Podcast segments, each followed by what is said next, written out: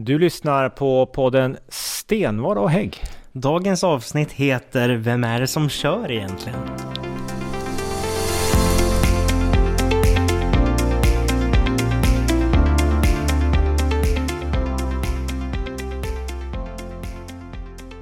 Välkommen till eh, årets näst sista avsnitt, novemberavsnittet. Nej, och nästa månad då är det ju för fasiken julspecial. Ja, just det. Då, då ser vi fram emot rimstugan. Ja, ja, då måste det rimmas. Ja, idag tänkte vi skulle lyfta upp lite grann eh, ledarskap och vi tänker på den. Men vi ska börja i, i den här änden egentligen. Vi har ju nu förhandlat väldigt länge och kommit fram till Ja. ett eh, resultat. Ja. Eh, vi har ju lyckats eh, fått ihop ett, eh, en majoritet i regionfullmäktige. Får gratulera. Det vart val häromdagen till blivande ordförande i, hållbarhetsnämnden. Ja, men tack så mycket. Och det känns ju bra. Och grattis till dig också. Du blir ju nu efter 100 år i regionen, höll jag på att säga. Ordförande i regionstyrelsen. Så länge har inte jag varit med. Men, men, Nej, men 14 ja, år i alla fall. Ja, precis. Ja. Ja. Nej, men så är det. Är faktiskt eh, ett, någonting historiskt som har hänt. Att Mm. eh, vi har lyckats efter 103 år, va? Mm. Eh, med socialdemokratiskt eh, maktmonopol har vi lyckats att eh, få till en annan majoritet. Yes. Känns eh, riktigt bra och eh, vi håller fortfarande på och förhandlar och eh, diskuterar kring eh, många olika delar. Hur tycker du att det går? Jag tycker det går bra. Eh, Själva styret som sådant är ju klart. Det vi håller på med nu mångt och mycket är ju någon eh, gemensam grund att stå på eh, rent politiskt de kommande fyra åren. Men vi är också mitt inne i en brinnande budgetprocess. Och eh, budgeten ska tas här ganska snart. Så det jobbar vi ju väldigt intensivt och hårt med just nu. Man märker att det är ganska eh, intensiva dagar just att få ihop allting och mycket samtal och bra samtal tycker jag. Högt i tak och man vänder och vrider och eh, så komma ihåg också att vi är ju då fyra partier med fyra olika kulturer, fyra olika bakgrunder och eh, olika personer så att det finns mycket som ska rulla an. Men det känns som att det är vi är, vi är på rull som man säger. Vi är på rull, jag tycker det känns bra, jag tycker det känns hoppfullt, jag tycker att vi är eniga i de i det stora hela. Det känns som att vi alla fyra vill åt samma håll och har i grunden en gemensam tanke om vad vi vill med Region Gävleborg. Så det tycker jag känns positivt och lovande. Ja. Eh, vi ska återkomma till budgetfrågan i, lite senare i podden, Mm. men vi tänkte nu först faktiskt prata om eh, ledarskap. Eller vad heter rubriken sa du? Vem är det som kör egentligen? Och det är just det, vi har ju lyft fram ledarskapsfrågan under valrörelsen och vi har pratat om ledarskap i många, många år. Kanske Mm. inte 103 år, men i alla fall i 14 år vet jag vi Mm. har pr- pratat om ledarskap. Hur viktigt det är med ett gott ledarskap för att få en organisation att röra sig i en viss riktning och, och att folk ska trivas och så här. Och då kan det vara intressant att reflektera och samtala kring just ledarskap. Eh, Vad är ett gott ledarskap? Eh, Hur gör man det och hur ser vi på ledarskapsfrågan? Vad är en, vad är en god ledare för dig? Eh, Vad kännetecknar en Ja, jag, har bra ledare? jag har antecknat lite där och funderar kring frågan och då tänker jag just i våra roller så tänker jag i ena handen vad är en bra ledare för organisationen? Alltså hur är en bra ledare som ska leda en nämnd eller ledare som dig som blir högst ansvarig för hela organisationen med eh, flera tusen medarbetare och eh, miljardomsättning. Och då tänker jag, en god ledare är någon, tänker jag, som nu efter 103 år av socialdemokratiskt styre kan bryta mönster, bryta normer, som ser problem som har fått vara och är beredd att göra någonting åt dem och är beredd att ändra arbetssätt och internkultur och hitta nya vägar och få med sig dels få med sig in nya människor i det men även människor som har varit i organisationen väldigt länge, få med dem på det tåget. Eh, tänker jag på. Sen har jag också antecknat just för politiken, alltså hur en god ledare inåt i partiet, för partiet som ska leda en partigrupp eh, och så. Och då skrev jag ner tre, tre punkter. Jag skrev vision, fason och ton. Skrev jag ner. Utveckla! Vad? Ja, då tänker jag att det är alltid bra om man ska leda någon form av politisk församling att ha en vision. Vart ska vi någonstans? Vart ska vi vara om ett år, två år, fyra Mm. år? Eh, och kunna få med sig sitt parti och sin grupp på tåget, att alla är överens om att det är målet, det är visionen. Fason tänker jag, en sån person måste också kunna ha fason på sig själv. Eh, på politiken, att det är ordning och reda, ha fason på eh, sin grupp och den han eller hon leder när det väl krävs.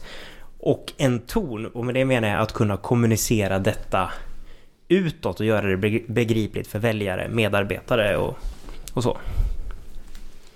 Ja, det är intressant. Eh, mm. Vi får väl pricka av sen om, man, om, om vi, så att säga, de runt omkring oss, andra ledare runt omkring oss kan uppfylla det. Men vi har pratat tidigare mycket om eh, hur vi ser från moderat håll på ledarskap. Och vi brukar ju också, ja, jag har också antecknat mm.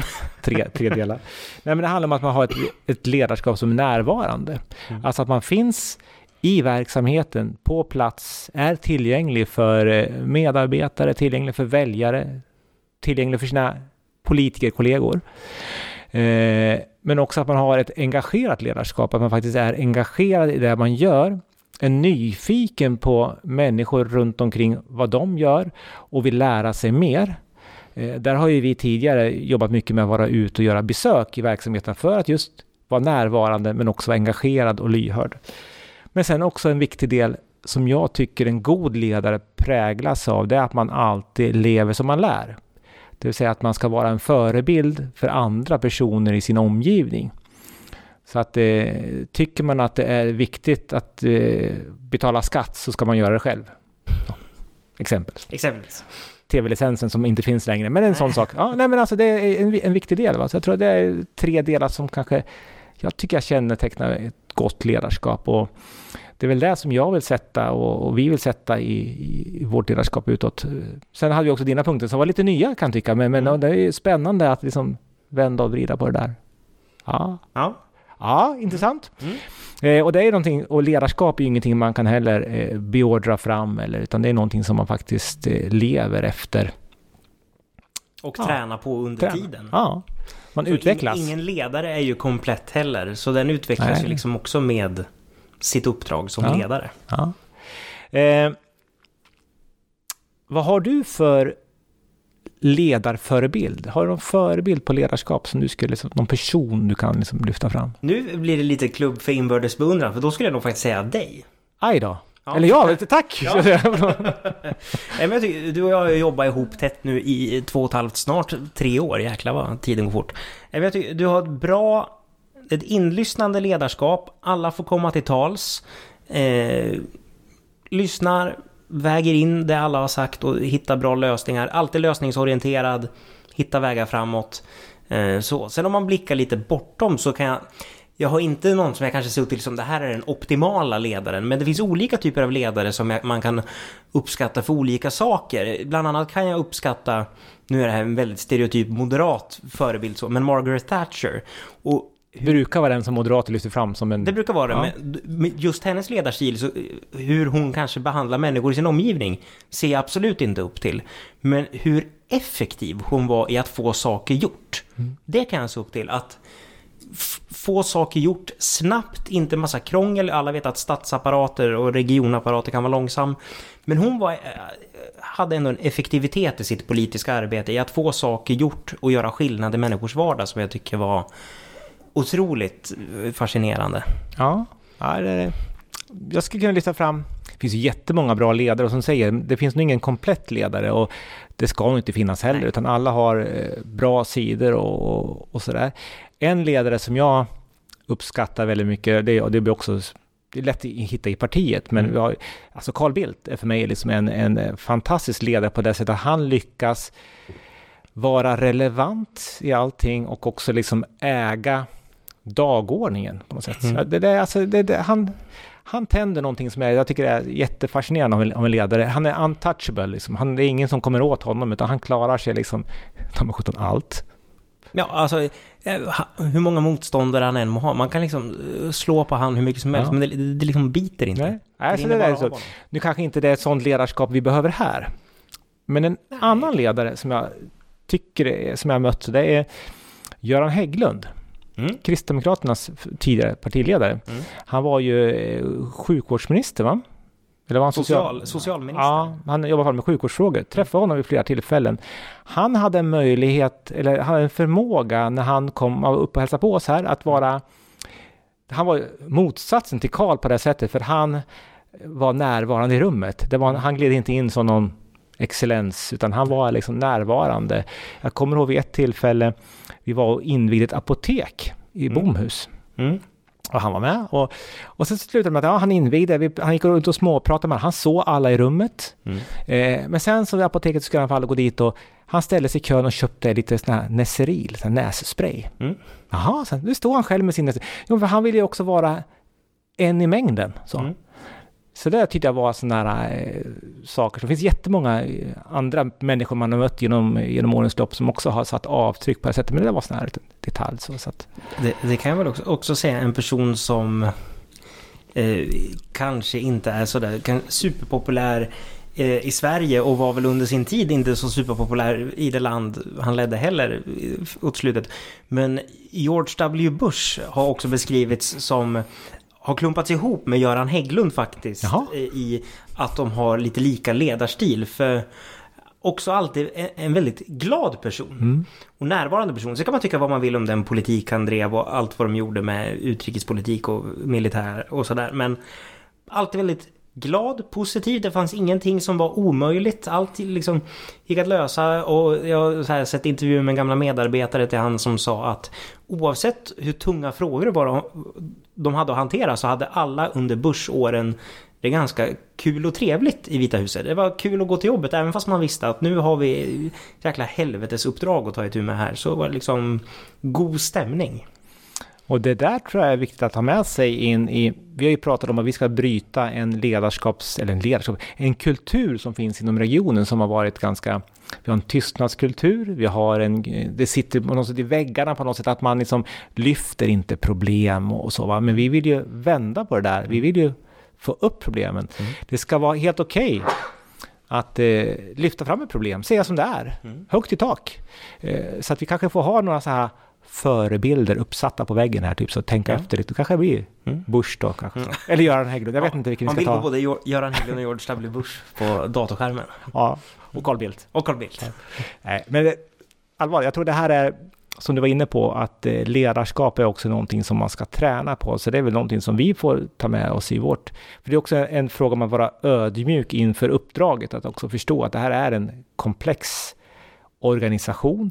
Det är människor som finns, vi är väl är vi, 6 500, 7 000 anställda. Mm.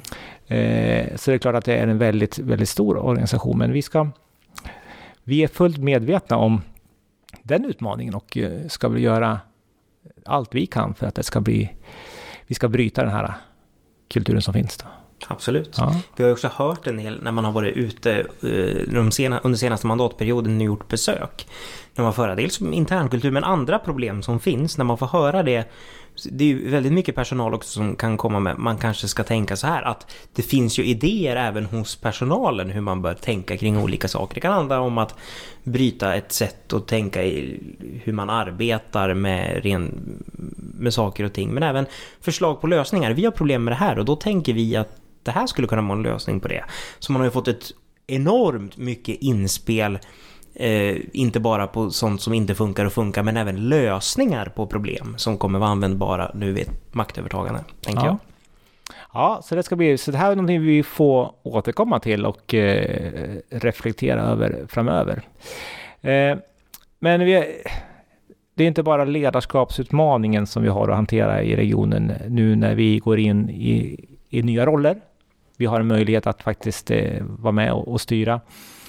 Det är ju det vi jobbar med mest just för tillfället. Budgeten för nästa år. Ja. Eh, det kan väl inte ha undgått någon att veta att eh, vi är, är på väg in i en lågkonjunktur. Vi har en skyhög inflation. Mm. Eh, vi har energiproblem. Vi har eh, ja, höga eh, bränslepriser. Alltså allt allt är dyrt. Allt pekar åt på något sätt fel håll. Ja. Så. Och då landar det på oss att styra här. Och um, vi ser Nej, nu... inte bara dig och mig att lösa inflation och allt vad det innebär. Men regionens utmaningar. regionens utmaningar ja. landar i mångt och mycket på ja. dig och mig. Ja. Uh. Och eh, det är ju, vi är ju inte ensamma som region, alltså det är ju alla regioner kommer ha det väldigt tufft ekonomiskt. Mm. Eh, och i den kontexten ska vi försöka göra de sakerna som vi har planerat för ja, Ja. i hundra år. Ja. Eh, så. Eh, och det där är ju en utmaning i sig, att få ihop de delarna. Mm. Men just vad det gäller budget och sådär också så brukar man ju alltid få frågan under valrörelsen eller när man är ute och kampanjar annars eller folk som bara vet att man är politiker kan ju eh, fråga vad vill du för någonting? Och så ger man ett exempel på någonting man vill göra och så ja, kan du lova det nu då? Eh, och då brukar mitt svar alltid vara oavsett vilka ekonomiska tider man befinner sig i eh, eh nej, Lova kan jag inte, för jag kan inte garantera att om vi tar över att det inte kommer bli en finanskris eller att inflationen kommer sticka iväg. Så nej, det kan jag inte lova. Men jag kan säga att jag kommer jobba för det här och att jag vill det här. Men lova kan man egentligen aldrig riktigt eh, göra. så. Eh, och vi märker ju nu, det är mycket anklagelser mot regeringen att man eh, bryter löften. Det var det mot den förra regeringen när de tillträdde också och sådär. Men jag känner att med det att allt det man kanske har velat göra och sagt att man har för avsikt att göra kommer vara begränsat på grund av hur ekonomin ser ut. Men att man ändå kan försöka... Det finns mycket problem som kan lösas utan pengar. Eh, och det är väl där någonstans det primära fokuset kommer att få ligga det här året och kanske året efter det innan man vidtar åtgärder som är liksom kostnadsdrivande på, på så sätt. Ja, det är nog så att eh, vi kommer att fullt sjå och hålla näsan över vattenytan. Mm. Eh, och eh, som jag sa så alla regioner har ju samma utmaningar. Kommunerna har också jätteproblem. Men just Ja. nästa år Och- så och jag- kommer nog regionerna ha lite tuffare. Ja, och jag, och jag kan också säga det. det- Man hör många, framförallt från vänsterhåll, som säger att ah, det är katastrof, regeringen ger inte kommunerna och regionerna några pengar. Precis som du säger, vi kommer ha bekymmer, kommunerna kommer ha bekymmer. Staten har också begränsat med pengar. Det är inte så att staten har en oändlig kassa eh, heller. Och en intressant reflektion där är ju att eh, vi gör ju eh, jättehöga överskott för tillfället i regionerna. Mm. Och det var ju under pandemin så eh, var ju vi väldigt angelägna om att staten skulle skjuta till pengar till regionerna för att hantera den ökade vårdkostnaden och Mm. alla effekter av pandemin. Mm. Men det innebar att vi hade ju inte de kostnader som vi trodde. Så det innebär de pengar vi fick har vi bara lagt på hög. Mm. Eh, och det är klart att vi nu säger till staten och till regeringen att vi behöver ha mer pengar. Vi tappar lite trovärdighet när vi sa så under pandemin Mm. och bara har lagt de pengarna på hög. Ja, Och nu, så, eh, nu försvinner ju de här tillfälliga bidragen för att Mm. kompensera för pandemin. Så det är inte så konstigt att vi landar där vi landar. Men Nej vi har ju inte gjort någonting åt det heller. Det, det här varnar ju vi för under pandemin, att vi kan inte bara luta oss tillbaka och förlita oss på staten. Vi måste göra själv vårt eget jobb för att få den på ekonomin. Ja, och man kan väl även konstatera att den tidigare regeringen när vi befann oss i en högkonjunktur och goda ekonomiska tider inte hade något större intresse av att spara i ladorna utan man fräste på med satsningar och man skulle rusta upp och bygga upp och bygga Sverige och körde på och det där varnade ju Elisabeth Svantesson som då inte var finansminister men som är nu på att det är nog ganska klokt att också spara lite i goda tider för sämre tider kommer alltid att komma. Eh, och, och det känner vi av nu. Det finns liksom inte maxade lador med pengar där det har sparats som man kan, kan nyttja nu heller. Nej, och det där kommer göra att vi får både på nationellt nivå och Ja. på, på regional och kommunal nivå så får vi ju problem. Men som, som du sa, var inne på, att eh, vi kan göra jättemycket saker de första åren som inte behöver kosta pengar. Mm. Vi kommer ha fokus på att hålla i pengarna vi har Mm. och se till att vi får ut mest av de pengarna som finns. Men eh, några överväldigade satsningar och utsvävningar finns det ju inte, inte pengar för. Nej. Så vi kommer inte köpa några vindkraftverk. Sådana affärer, även om det hade varit goda... På tal om ingenting. Ja, även om det hade varit goda ekonomiska tider eh, hoppas jag att vi inte hade gett oss in i några vindkraftsaffärer. Nej. Nej. eh, Den var, den, så. den- var enkel så. Men, men, nej, men vi har ändå en del utmaningar. Sen så vill ju vi, vi vill ju ha fler medarbetare i vården. Vi vill ha fler vårdplatser. Det finns jättemycket som vi har gått till val på och som vi ska försöka leverera. Men som sagt var, just nu handlar det mest om att få hålla i de, de pengar som finns och göra det bästa av dem som vi har. Så att, eh, för vi kommer ju inte höja skatten. det är vi överens om är den, eh, inte bara den nya majoriteten utan alla partier i regionen. Vi hade ju det på fullmäktige nu i veckan, Mm. eh, skattesatsen och ingen ville höja skatten så det är vi överens om. Vi lämnar skatten oförändrad och det skulle jag säga är bra för vi har pratat nu mycket om staten, regionen och kommunen men privatpersoner och företag har också jobbiga tider nu och att eh, slå på dem med en skattehöjning är nog inte någon heller så sugen på för människor i samhället eh, privat och företag har också tuffa ekonomiska tider och har eh, besvär med att få ekonomin att gå ihop. Så att eh, det var inte, vi kunde inte lova så mycket, eh, men vi lovar att vi ska göra så gott vi kan. Det är väl det vi kan säga i budgeten. Vi kan ju, ja, vi lovar att vi ska göra så gott vi kan och att vi lovar att arbeta för det vi har sagt att vi vill ha. Eh, Men sen får man ju se vart den här ekonomin sticker iväg. Det Eh, är mycket osäkerhet också nästa år. Så att, eh, Ja. Vi kommer nog återkomma tror jag i den här podden om just ekonomin tror jag är nog någonting som eh, människor känner en viss nyfikenhet och också en oro inför vad som ska hända. Så, Mm.